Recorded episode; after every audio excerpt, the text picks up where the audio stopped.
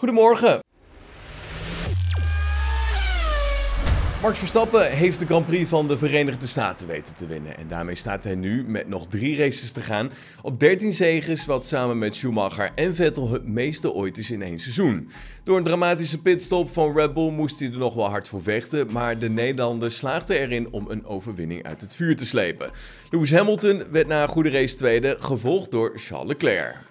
Red Bull pakte tevens ook voldoende punten voor de constructeurstitel en daardoor werd het toch ook wel weer een emotionele middag in Texas.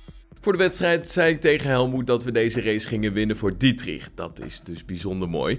Ik weet zeker dat hij dit ook een mooie race had gevonden. Zo vertelde Verstappen tegenover Viaplay. Ja, voor Carlos Sainz was het een wat mindere dag. Hij eh, begon de Grand Prix vanaf pole position en de Spanjaard die zal ook wel goede hoop hebben gehad op een mooi resultaat.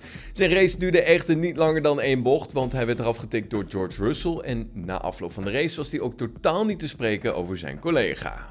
Vlak nadat hij leidzaam moest toezien hoe de Nederlander de leiding nam, zag Sainz ook zijn race tot een einde komen. Russell ging de fout in en tikte hem eraf. Sainz liep daarbij te veel schade op en kon helaas zijn race niet meer vervolgen. Het zorgde voor best wel grote frustraties.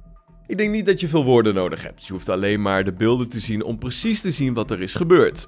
Het was een hel van een gevecht met Max toen we bocht 1 ingingen en ineens is er een gast die in het gevecht was die op mij botste. Dat was het. Het is een combinatie van factoren. Onze start was niet geweldig omdat we een probleem met de auto hadden, maar mijn start was niet heel erg slecht ten opzichte van de Mercedes'en. Het was gewoon Max die een fantastische start had, zo liet hij weten tegenover Sky Sports.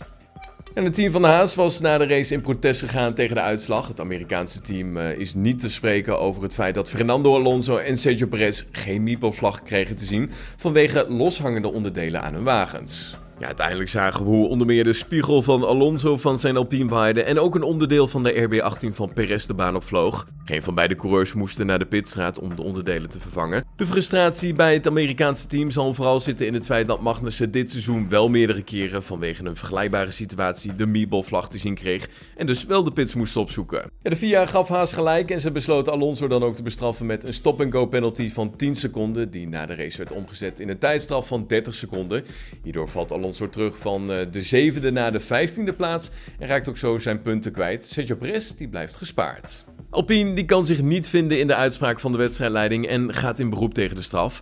Want volgens het team had de zaak helemaal niet in behandeling mogen worden genomen om meerdere redenen, zo laten ze weten via een social media kanaal. Alpine tweet dat de auto van Alonso na de race legaal is verklaard door de FIA en dat het protest van Haas te laat, 24 minuten om specifiek te zijn, was ingediend.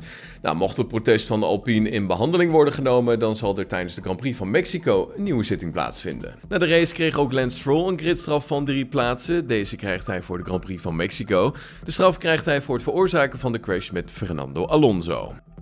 Heb je genoten van deze aflevering? Laat van je horen op onze Apple Podcast pagina of volg ons op Spotify. Zie ik je morgen weer. Tot dan. Hoi.